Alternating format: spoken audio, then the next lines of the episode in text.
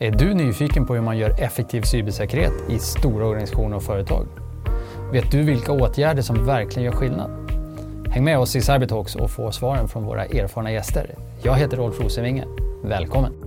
I dagens avsnitt av Cybertalks träffar Rolf Jakob Lindberg, CISO på Nordax. I avsnittet pratar de om CISO-rollen och hur man balanserar hotbild och regelverk i en bank. De pratar också om betydelsen av nätverk och vikten av att vara nyfiken. Hej och välkomna till veckans avsnitt av Cybertalks. Eh, idag har jag med mig Jakob Lindberg från Nordax. Välkommen! Tack så jättemycket! Det här ser jag fram emot. Eh, vi har ju träffats ett antal gånger genom åren i lite olika sammanhang och jag uppfattar dig som en, en klok och eh, ganska tänkande person så att jag ser fram emot att, få diskutera med dig här lite i ett avsnitt. Men du är, först lite om dig kanske, du är CISO på Nordax idag. Ja, sedan tre och ett halvt år tillbaka så har jag en CISO-roll på Nordax Bank, eh, banken för det nya normala. Eh, och tidigare har jag haft liknande roller i andra banker, Nordnet och SBAB. Mm. Bland annat då, eller egentligen det är de eh, ställen som jag arbetar på i den här rollen. Och jag har jobbat 20 år ungefär plus i, i bank och finans och varav de kanske 15 eller 15 år som inom säkerhet. Så att, det är väl en intressant eh, historia förstås. Och, eh, sen kan man väl säga att jag kom in på säkerhetsområdet lite av en slump. Jag blev erbjuden en, en säkerhetschefsroll i samband med en strategiförändring och organisationsförändring. Och det är väl ingenting jag direkt ångrar idag. Eh, innan dess hade jag en eh, ingenjörsbakgrund och eh, också en bakgrund från försvaret eh, som reservofficer och där jag långt bak i tiden hade läst säkerhetstjänst, vilket jag faktiskt eh, haft nytta av i, i CSO-rollen då, som jag haft eh, tidigare. Mm. Spännande. Och, ehm, och vi kanske liksom hoppar rakt ner i det idag, men, men en av de sakerna också som, um, som jag skulle vilja kanske börja med att fråga, det är så här, utifrån de olika rollerna som du har haft, um, vad är de största förändringarna liksom, i vår bransch och kring frågorna och deras attention? Eller mm, om du, om du tänker tillbaks till hur det var när du startade i en säkerhetsråd till vad det är för typ av frågor och, eller hur de hanteras idag? Ja, den stora förändringen är väl åtminstone för finansiell sektor att eh, eh det som vi pratar ibland skämtsamt som regelverk eh, med ä då, eh, är, har ju liksom tilltagit kraftigt sedan 2016. Jag tror att Världsbanken har skrivit någon, någon rapport att eh, 25 av 28 regelverk som, till, som rör finansiell sektor har tillkommit efter 2016. Så det är väl en jättestor uptake tänker jag. Mm. Sen så har ju också eh, hotbilden förändrats förstås i takt med att vår digitalisering ökar och jag skulle säga att globaliseringen inte ökar, den är ju genomförd egentligen. Eh, vilket gör att, att eh, nya typer av hot och tekniska eh, förändringar och eh, uppfinningar, kreativitet är ju en, en, drivkraft. Kreativitet och pengar. Det är ändå så att i, i banksektorn så finns det ju, jag tror att i Europa så finns det 40 triljoner euro om jag minns rätt. Eh, och det i sig är ju en drivkraft för att, att cyberkriminella att eh, se en potential helt enkelt. Mm. Nej men så är det ju. Och du är inne på flera av de sakerna som jag är, som jag är nyfiken kring som jag tänkte vi ska, vi ska djuploda lite grann i. Men om man tar, och du kanske kan nämna lite om, om, om Nordax. Eh, ni är en medelstor bank eh, och, och är ni bara svenska eller den nordiska och, och, och sådär så att vi får lite skopet på, på rollen idag. Och det är egentligen för mig en, också en inledning till lite grann sen att fråga lite om hur så i rollen som CISO, hur tänker du kring säkerhet? Eh, liksom, har du en grundfilosofi som du, som du, så här vill jag göra säkerhet för Nordax? Ja, spontant grundfilosofin är väl att hålla det så enkelt som möjligt. Mm. Eh, men vi kan komma in på det lite mer. Eh, Nordax är ju en ledande specialistbank och vi har ju hållit på sedan 2003 och haft en, en ganska stark utveckling på senare tid. Ehm, och över åren har vi då byggt liksom processer och eh, rutiner och vi har eh, utvecklat en idag en oöverträffad kompetens kring kreditgivning. Och det har gett oss en eh, ledande position bland de mindre bankerna. Inte minst via den effektiva plattform för låneförmedlartjänster som vi och andra aktörer är så beroende av idag.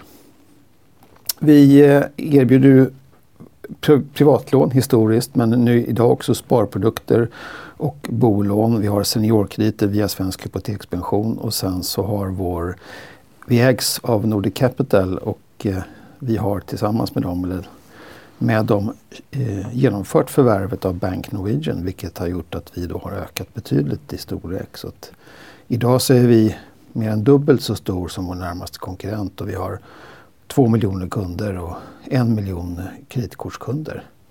Så det är ju en bank som, som eh, är väldigt spännande i sin roll och karaktär och utveckling. Och vi täcker då den nordiska marknaden eh, samt Tyskland, Spanien och Holland faktiskt. Och har då många partnersamarbeten ska jag väl tillägga. Just det. Nej, men, och, och, det är det som jag tycker är lite spännande också för jag upplever ju från, från min horisont just att ni har varit och är kanske fortfarande uppe i en ganska stor tillväxtresa. Um, och, och tillbaks till CISO-rollen då, så hur, vi ska prata mer om liksom, regelverk och alla de sakerna, men, men hur, hur är det att vara CISO i en, i en, i en bank som växer så pass starkt? Ja, det är en oerhört spännande resa. Om, om jag som ung eh, seglingsintresserad eh, tonåring ville bli båtkonstruktör och då hade fått frågan om jag, om jag skulle jobba i bank och kanske med det långa ordet informationssäkerhet. Då hade jag nog sett väldigt frågande ut. Ehm, men det är ett, väldigt hett eh, område eh, idag och jag, jag ångrar inte ett dugg att jag landade här i den här rollen och i den här sektorn helt enkelt. Eh, I en växande organisation så sker det ju en, en, utveckling och en förändring och där gäller det att vara lyhörd för organisationens behov och förstå eh, affären så att, så att det här regelverken kan, kan appliceras eh, i balans helt enkelt. Jag brukar eh, ibland på såna här interna utbildningar citera, jag tror han jobbade på Gartner när jag läste det här citatet, en kille som heter Bill Malik som pratade om, om eh, bromsarna på din bil. Alltså säkerhet är som bromsarna på din bil. Och dess funktion är att sakta ner dig. Men syftet är ju att låta dig köra riktigt fort. Och det tycker jag att jag har haft med mig och, och försöker tänka på eh, så att man inte enögt stirrar på de här eh, nos utan eh, försöker säga ja, men så här skulle vi kunna göra detta. Sen är det ju, det, det, låter väldigt enkelt och tyvärr så är det väl inte så enkelt för det, det är ju en ständig förändring och det, det är ständigt behov och det, det är nya partners och det är förvärv och det, det, det är en rörlig materia helt enkelt. Men det är oerhört spännande och tacksamt att jobba i en organisation som Nordax där det är ganska lågt i tak, eller väldigt lågt i tak. Eh, och det är en stor, stor eh, framtidstro och eh, eh det går också väldigt bra för oss. Mm. Så det, det, är oerhört positivt.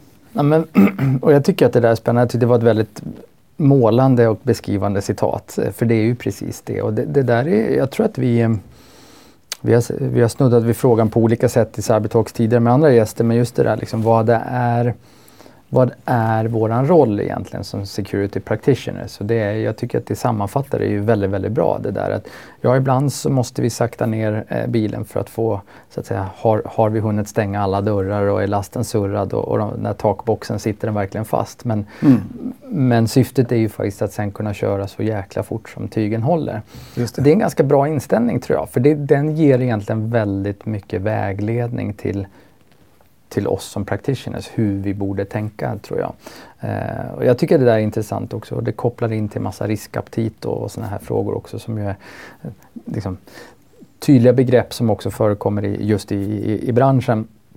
Men, men eh, om man då också kommer in på det lite grann, financial services och bank som, som, eh, som sektor.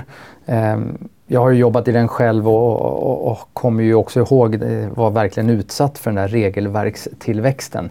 Eh, jag jobbade ju själv på, på General Electric och deras capital division då samtidigt som man blev finansiell, eller systemkritisk finansiell institution i USA med Federal Reserve. SOX kom också och det var massa olika regelverk som kom. Och, och vi anställde hundratals människor. Eh, och det var tufft. Mm. För samtidigt så man, ska man fortfarande göra det som vi pratade om nyss. Just det. Um, hur tänker du och hur, hur, hur agerar ni för att balansera det där? Därför att det är ju också så just i den här branschen att, att vara non-compliant är ju heller inte en option. Eh, I alla fall inte med regelverken. Interna policies kan man ju göra möjligen avsteg från men, men det finns ju en hel del tvingande krav i, i branschen. Och det finns en hotbild och det finns en, det finns en, en affär som vill växa snabbt. Mm. Det är ett ganska svårt jobb. Det är bitvis ett svårt jobb men som jag sa inledningsvis så är ju min, du, frågar om filosofi, att, mm. att försöka göra det så enkelt som möjligt.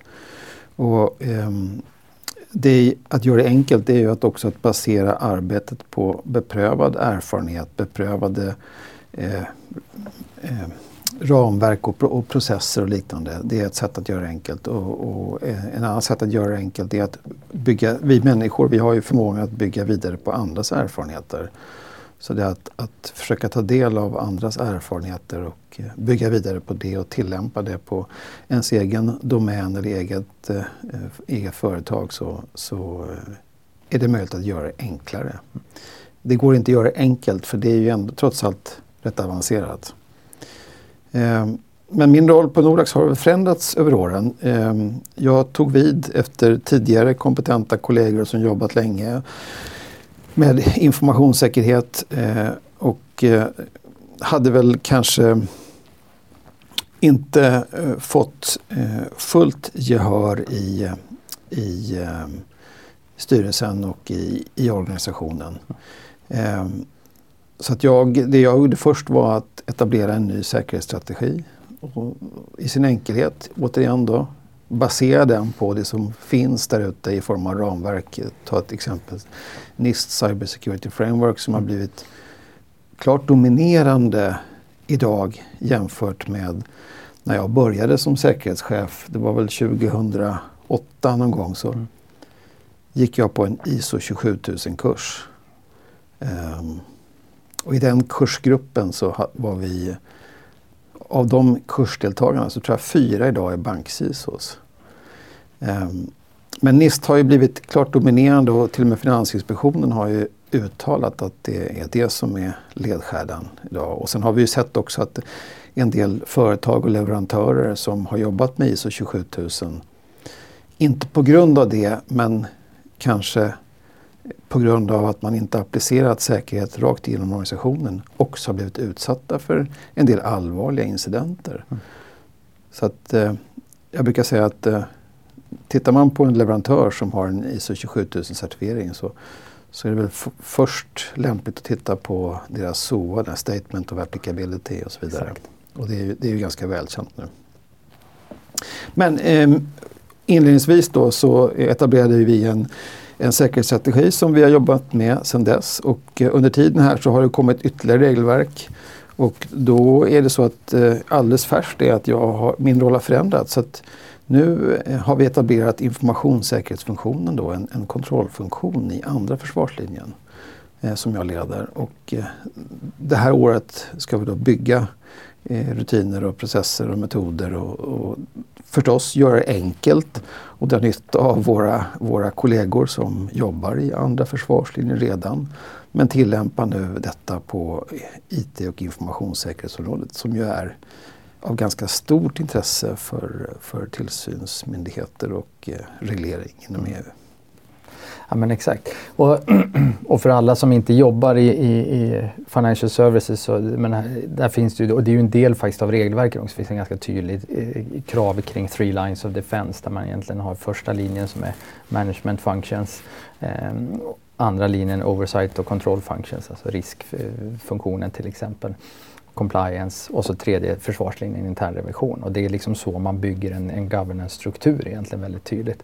Eh, och det ser man ju även en del andra branscher som, som tar efter. Och jag, jag ser också, får man till det där samspelet så är det faktiskt väldigt starkt och jag tror att det, det ger väldigt mycket. Men, men det kräver just ett visst samspel. Mm. Eh, och sen är det intressant tycker jag att, att följa den här ständiga pendeln fram och tillbaks vad som är första och andra linjen så att säga, just kring säkerhetsfrågan. Och det skulle man förmodligen kunna göra eh, ett ganska långt avsnitt om bara kring det. Ehm, men, men tillbaka också till själva regelverken. Ehm, hur är det att ta emot alla de här? Nu kommer DORA. Eh, det finns redan omfattande regelverk att ta hänsyn till och hantera. Eh, NIS 2, säkerhetsskyddslagstiftning.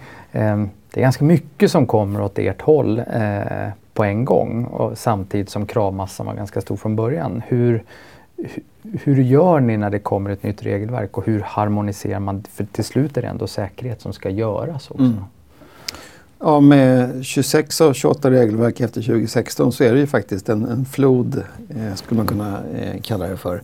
Eh, ja, det är återigen gör det enkelt att, att, att eh, skära upp regelverket i beståndsdelar och ta bit för bit. Vi jobbar med någonting som vi kallar för audit book. Att vi förklarar, vi tolkar det här kravet så här och så här har vi implementerat det och här ska vi verifiera det. Så det, det är ett sätt att att bryta ner och strukturera det.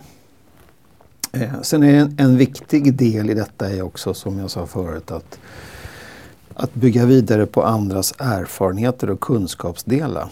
Och just DORA-regelverket eh, jobbar vi tillsammans i bankföreningen, bankerna och försöker tolka och förstå och eh, hitta liksom, eh, svenska eh, tolkningar och begrepp för att kunna applicera kraven på, på ett vettigt och förståeligt sätt. För det, det är ju inte några nya krav egentligen.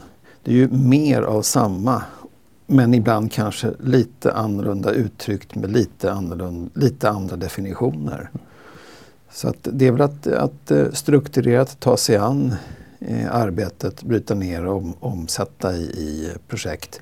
Nu har vi inte startat ett DORA-projekt utan vi håller på med ett analysarbete. Så att, eh, här ligger ju de större bankerna före men man har också mer resurser. Så där är ju projekten igång redan. Och vi kommer väl att eh, efter sommaren är min bedömning att eh, starta upp eh, ett projekt eller en, en eh, samlad aktivitetsström. Men ehm, och nu är det kanske inte så mycket så varken du eller jag just här idag kan ändra på så, men, men är det för mycket regelverk? Kom, det finns, jag tänker, och bakgrunden till frågan är ju kanske att jag tänker mig också att eh, med den flod, som ändå var, jag tycker ändå att det är ett beskrivande ord, för det, det är en flod, eh, som har varit kring regelverk så går ju en hel del av bandbredden åt till att också precis det du beskrev. Ta ombord det, tolka det, bryta ner det, ta fram hur ska vi verifiera och visa att vi efterlever och så vidare. Det är, det är ju på sätt och vis tid som till viss del skulle kunna användas för att göra säkerhet. Um, har vi för mycket regelverk i branschen eller är det bara någonting som vi helt enkelt får lägga oss platt inför och säga att det är nog så här det är? Um. Alltså det är svårt för mig att säga om vi har för mycket regelverk för det beror på vem det är som utvärderar. Men, men eh, som jag sa förut så så är det ju inte så mycket nytt som kommer. Ehm, jag tror att för mig så började det här när ECB tillsatte något som heter Secure Pay och gjorde, gav ut rekommendationer 20, mellan 2011 och 2013 och sen så Finansinspektionens eh, föreskrifter som utkom 2014. Där jobbade vi inom bankföreningen med att eh, tolka och förstå och svara på remisser och så vidare. Och det som har kommit därefter är ju bara mer av samma, mer detaljer. Och i någon mån så kan jag förstå och tycka att, att det är också bra för att eh, när det är väldigt på en hög nivå summariskt och lite övergripande krav då blir det också väldigt trubb, kan det bli väldigt trubbiga tolkningar. Mer preciserade krav är ju enklare att förhålla sig till i, i och med att man mer direkt och konkret kan bemöta kravet och förstå kravet. Eh, sen är det ju inte de enskilda kraven som är det väsentliga. Utan det väsentliga är ju att försöka förstå syftet, det övergripande syftet med regelverket. Så att, och, eh, om man nu pratar om DORA, att, att skapa robusthet och motståndskraft i finanssektorn. Det är ju någonting som alla kan förstå och tycka är väldigt värdefullt. Precis, och jag, jag tror ju, och det är kanske det du är inne på, Eh, jag gör min tolkning av vad du sa. För du har ett ganska lugnt och systematiskt sätt att resonera kring de här. Jag tror att det finns en hel del som känner en ganska stor press, stress kring att oj, nu kommer det mer, hur ska vi göra det här? Eh, jag tror att det finns någonting att plocka upp i, i, i ditt sätt att närma dig frågorna. Att, eh, ja, i grund och botten är det mer av samma. Vårt uppdrag står fast. Vi ska skydda våra finansiella institutioner. Sen får vi hjälp av olika myndigheter att, att, eh, så att säga, peka på olika saker som, som vi bör ha på mm. plats. Mm. Ungefär så. Absolut. Um, och det är väl ett bra sätt att se, se, det, se det på att, att uh, säga att vi har den inställningen att det är ett stöd till oss. För det, i någon mån så är det ju faktiskt det. Det kan nog vara olika i olika organisationer hur, hur enkelt det är att, att eh, förändra. För det är ju en förändringsresa som, som ett säkerhetsarbete. Om man tittar var vi kommer ifrån 20 år tidigare så är det ju en förändrings, ett förändringsarbete att införa processer, metoder och, och, kontroller och jobba med sina risker strukturerat och så vidare. Ehm, och det kan nog vara så att, eh, kanske inte så som jag har upplevt det, men, men att i, i, en del organisationer så, så kan det vara klart underlättande att ha specifika krav att peka på. Helt sant. Men eh, jag tror att idag så har, jo, men det, min upplevelse är att idag så har eh, de styrelser som sitter i våra finansiella institut en, en god inblick i och de har full förståelse för den här gamla, det var väl en bilförsäkringsklyscha, if you can't afford security, try an accident. Eh, I och med att det finns ett personligt ansvar i styrelsen och att vi ser idag att incidenter förekommer så frekvent. Det, det är till och med så att eh, eh, alldeles i dagarna så är det, eh, pågår det incidenter som, som, eh, som berör det här området. Precis så. Precis så. Hörru du, och kanske lite grann skifta ämne. men, men en av de sakerna som jag har noterat när vi har, har pratat eh, genom åren eh, så uppfattar jag dig som nyfiken. Eh, och det tycker jag är roligt. Jag, tycker det, jag är eh, tror att jag är ganska nyfiken själv. Eh, kanske en av anledningarna till att jag har den här podden också för att jag får chansen att träffa eh, människor och, och, ställa massa, massa frågor till dem och höra svaren. Men, men jag uppfattar dig som, som nyfiken också och eh, nätverkande har ju vi stött på varandra i en del sammanhang också. Vad, vad fyller det för funktion för dig?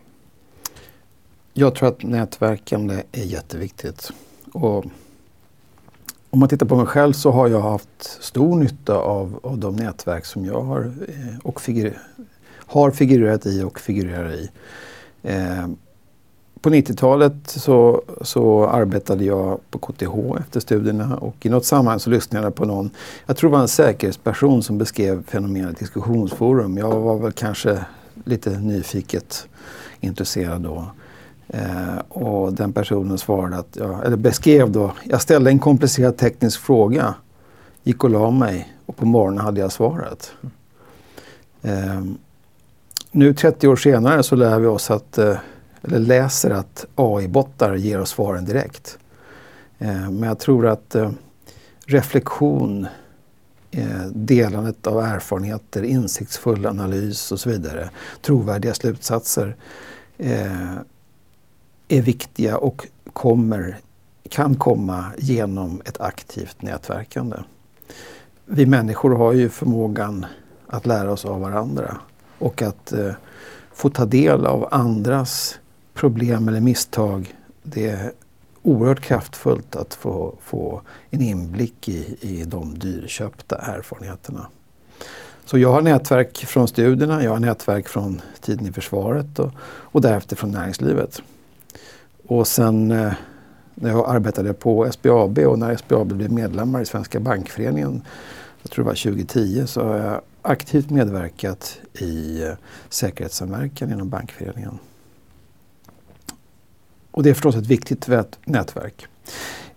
Och ett tips kan ju vara att ett bra sätt att bygga ut nätverket det är att om man inte har tillgång till något nätverk, det är att medverka i de kommersiella nätverk som finns idag som ett första steg och vartefter du, du eh, möter personer, knyter kontakter, diskuterar problem och så vidare så ökar ditt nätverk. Och, och jag har också erfarenhet av att vara aktiv i konferenser och event och, och där föra diskussioner med personer som, som har erfarenheter som man kan, man kan ta del av.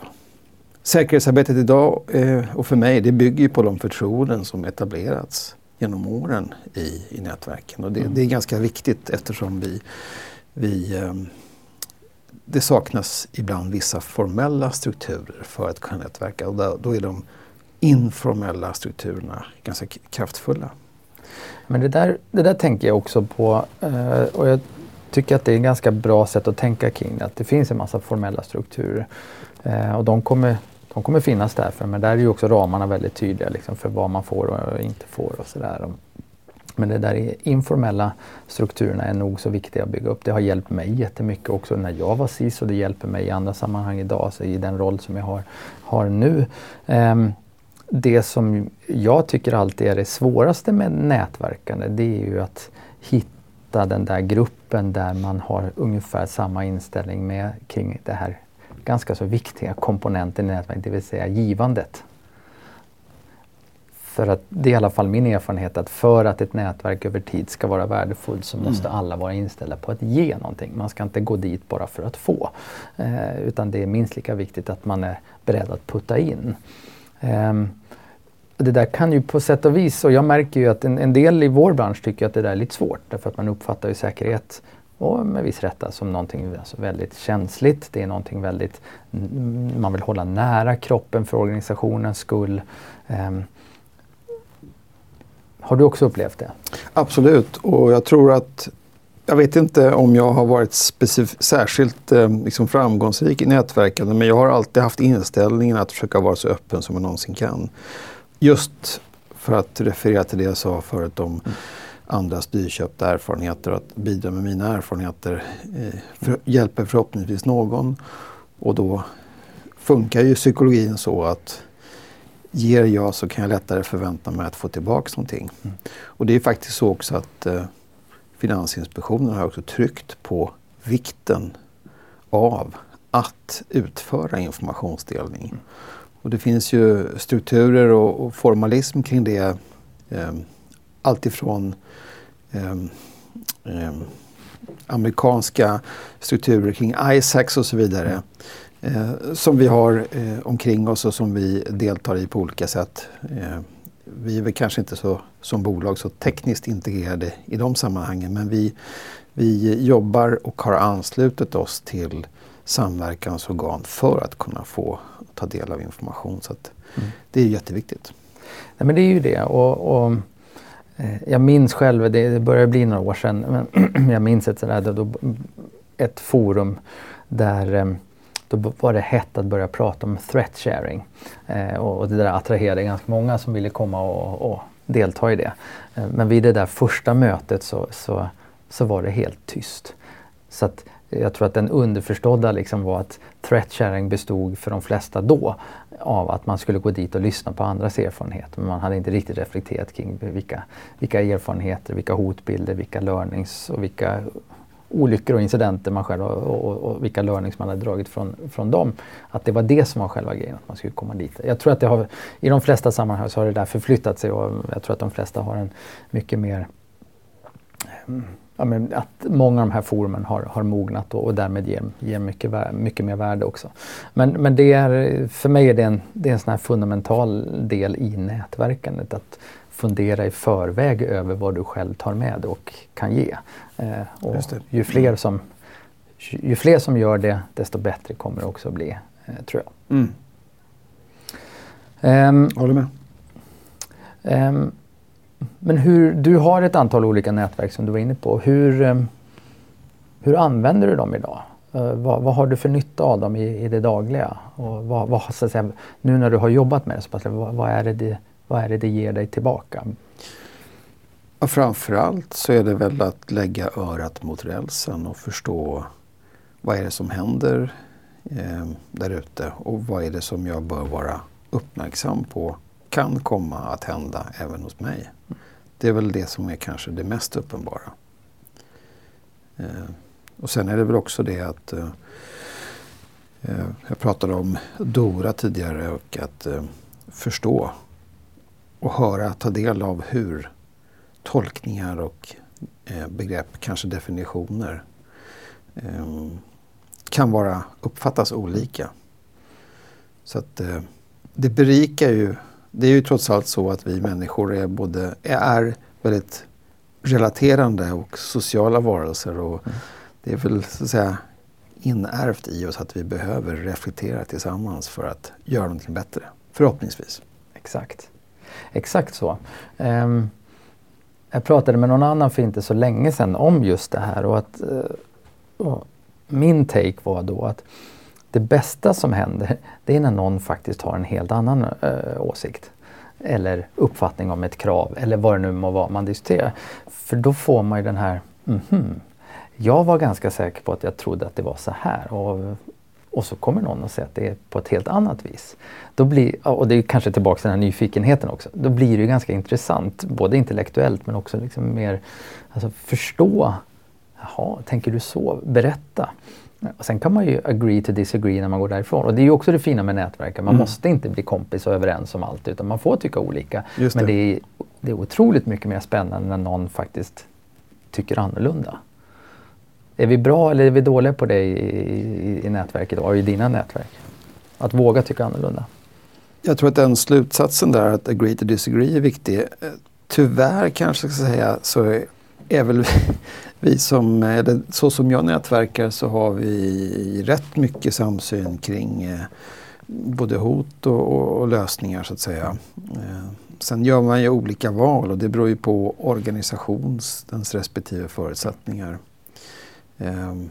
Men trenderna är ju, är ju ändå trots allt eh, kanske entydiga. Mm. Så att eh, det enda vi vet att imorgon kommer att vara annorlunda. Så är det. Så är det. Ja, men jag tycker att det där är intressant. Jag, nu är det ett litet tag sedan men jag träffade en CIO som apropå det här att våga vara, liksom, ta en annan stance. Eh, för jag kan nog, alltså, det kanske var bakgrunden till min fråga också, jag kan, ibland, jag kan nog ibland själv tycka att vi är lite för liksom, konsensusdrivna och vi, vi flyttar oss gärna in mot någon slags trygg mitten. Så där ibland. Och så träffade jag en CIO för ett litet tag sedan.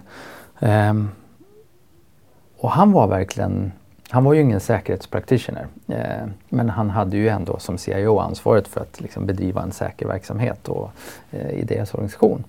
Och han hade ganska klara uppfattningar om också hur vi som, som säkerhetscommunity liksom cementerade vissa saker som han tyckte var uppenbart fel. Han, han trodde att en del av de klassiska strategierna kring hur man ska göra säkerhet var, var obsoleta. Och han ganska liksom eh, ganska högljudd i sina tankar kring hur, hur, han istället, han pratade mycket om att liksom minska attack surface och, och, och, våga välja andra lösningar, våga hoppa över generationer. Eh, av, av tekniska skydd. Jag tyckte det var väldigt spännande. Jag kanske inte höll med i alla, men det, det är nog ett av de samtal som har flyttat mig själv i tanken. Så att, jaha, kan, man, kan man tänka så pass annorlunda? Just det. det tyckte jag var mm. häftigt. Det finns ju eh, idag eh, ett ganska rikt univers av kreativa tankar. Och, och kanske inte just i, i, dagens podd, men i andra poddar så, så finns det ju eh, eh, go, alltså, lite mer avancerade tankar än, än, det som jag kanske framför här eh, kring, kring eh, hot och lösningar exempelvis. Då. Och det är ju eh, någonting som jag har eh, försökt ta till mig att, att hänga med. Men nu är det ju så många kanaler att det kan vara, det kan vara svårt att, att fånga allting. Då. Så är det. Det tror jag är faktiskt en av de stora utmaningar vi har. Att flödet av, av, information som vi kan ta till oss om vi har tid eller möjlighet. Det är ganska stort så det gäller att välja, välja, välja sina källor och välja sitt nätverk. Så att man verkligen får ut det man behöver. Hörru du, tiden går ju fort här i Cybertalks också. Jag tänker, och det brukar jag alltid passa på när jag har en gäst här, att titta lite framåt också kring trender, framtid. Um, och jag tycker alltid att det är spännande att höra gästen tänka lite kring vad är det vi har framför oss. Jag ser ju en ganska föränderlig värld eh, som definitivt inte har blivit tryggare det senaste året utan tvärtom. Eh, men hur ser du på framtiden? Vad, vad, vad är det vi kommer behöva förhålla oss till imorgon? Ja, vi kommer att behöva förhålla oss till att det kommer förändringar. Eh, vilka det blir, det vet vi inte. Men vi behöver därför vara, ha örat mot rälsen för att kunna förstå och uppmärksamma vad som händer. Och sen tror jag att eh, det finns ju en del eh, eh vad ska kalla paradigm eller principer eh, som jag tror det finns de som alltjämt gäller och kommer gälla. Exempelvis så brukar, tycker jag att den här principen om försvar på djupet är, är alltjämt relevant. Mm. Men den behöver kombineras med nya synsätt. Det här med noll tillit. Mm. Eh, och det är inte så att det ena kommer att ersätta det andra men, men tillsammans så kan det bli väldigt kraftfullt. Eh, sen har vi ju eh, ett tekniskt arv. De flesta av oss, även, även vårt företag, har ju efter, efter eh, 20 år ett, ett, en teknisk skuld som vi behöver hantera. Och då är det lite det är en lite längre resa att, att eh, fullt ut anamma nya synsätt som nolltillit exempelvis. Ehm, men AI är ju någonting som absolut är på gång. Vi eh, roar oss med att eh, ställa kluriga frågor till ChatGPT och eh, ser också den, de flesta av oss som har provat ser också en väldigt praktisk nytta. Men jag tror att det är än så länge lite tidigt att se de verkliga implementationerna. Det kanske finns men ingenting som jag har sett hittills som, som tyder på det.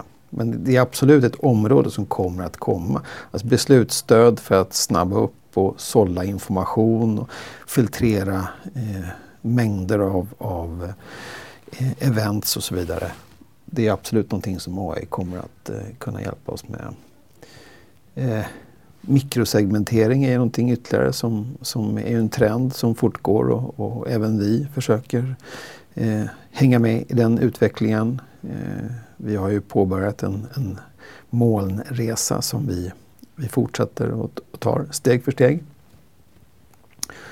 Sen tror jag också att eh, idag finns det fina verktyg och lösningar men eh, vi är eh, eh kanske inte fullt ut eh, redo att använda alla de fina verktyg vi har. Och eh, ta exempel som Data Leak Prevention och Cloud Access eh, Brokers tror jag det heter. Eh, det finns jättefina eh, eh, stöd för, för oss där och, och som möjliggör att möta de här utmaningarna. Men eh, eh, trenden är att det kommer att komma nya verktyg, nya insikter, insikter och eh, även nya fyrbokstavsförkortningar som vi kommer att få lära oss. Framtiden är ju redan här på många sätt. Ehm, och, och, vi tar den ett steg i taget. Geopolitik, angreppskrig och klimatpåverkan kommer att ställa nya och förändrade krav på, på vårt säkerhetsarbete. Helt klart. Men jag håller med, jag delar, delar eh, bilden och vi kan nog vara helt säkra på att det kommer nya förkortningar eh, alldeles runt hörnet. Um, en av de sakerna som du nämnde och som jag skulle vilja kanske som avslutning här plocka upp lite grann, det var det om den ständiga förändringen som, som du började med egentligen.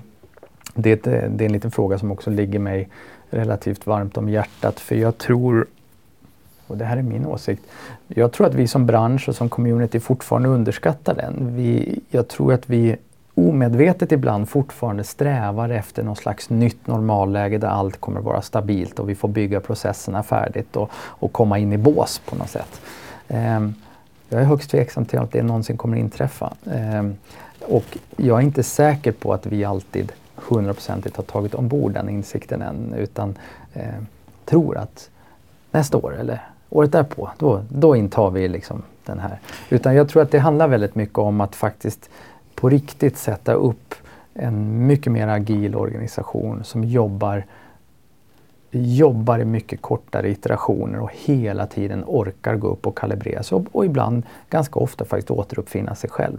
Eh, och det kommer vara jobbigt och jag är inte säker på att vi 100% har tagit ombord den, den nya världen så som jag tror den kommer se ut än. Jag, vet inte, som jag håller helt med om det. Och det, det är roligt att, att, du just nämner det för jag tänkte på det här gamla eh, citatet eh, från eh, eh före, ja, runt Kristi födelse, Gaius Petronius. Vi tränade hårt och varje gång vi, vi började få fram fungerande grupper så skulle vi omorganiseras. Och det, det, det är ett så här eh, klassiskt citat och, och det, eh, det gäller ju än idag. Mm.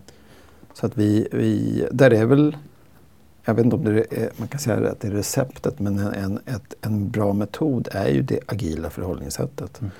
Och så även för säkerhetsarbetet. Jag ska inte påstå att vi är, är så pass ledande där men, men på vår utveckling, vårt utvecklingsarbete är ju och har varit i flera år nu eh, agilt. Mm. Och eh, jag tror att det, det svåra blir då att applicera de här lite mer traditionella regelverkskraven i det agila flödet. Men det finns idéer och tankar om hur man kan göra. Yes. Och jag tror att eh, där någonstans så, så, så, tror jag att vi avrundar och, och konstaterar att här har vi samsyn. Det, det, kommer, det kommer att fortsätta komma regelverk, det kommer fortsätta att komma ständig förändring och det är egentligen det vi måste förhålla oss till tillsammans med den hotbild som hela tiden fortsätter att utvecklas också. Så vi är fortfarande i en spännande bransch. Verkligen, det känns jättekul. Jakob Lindberg, CISO på Nordax, stort tack för att du ville vara med här på Cybertalks idag. Tack så mycket. Och till alla lyssnare, until next time. Podden är ett samarbete mellan Orange Cyber Defense och Paliscope och spelas in och klipps på Om Media.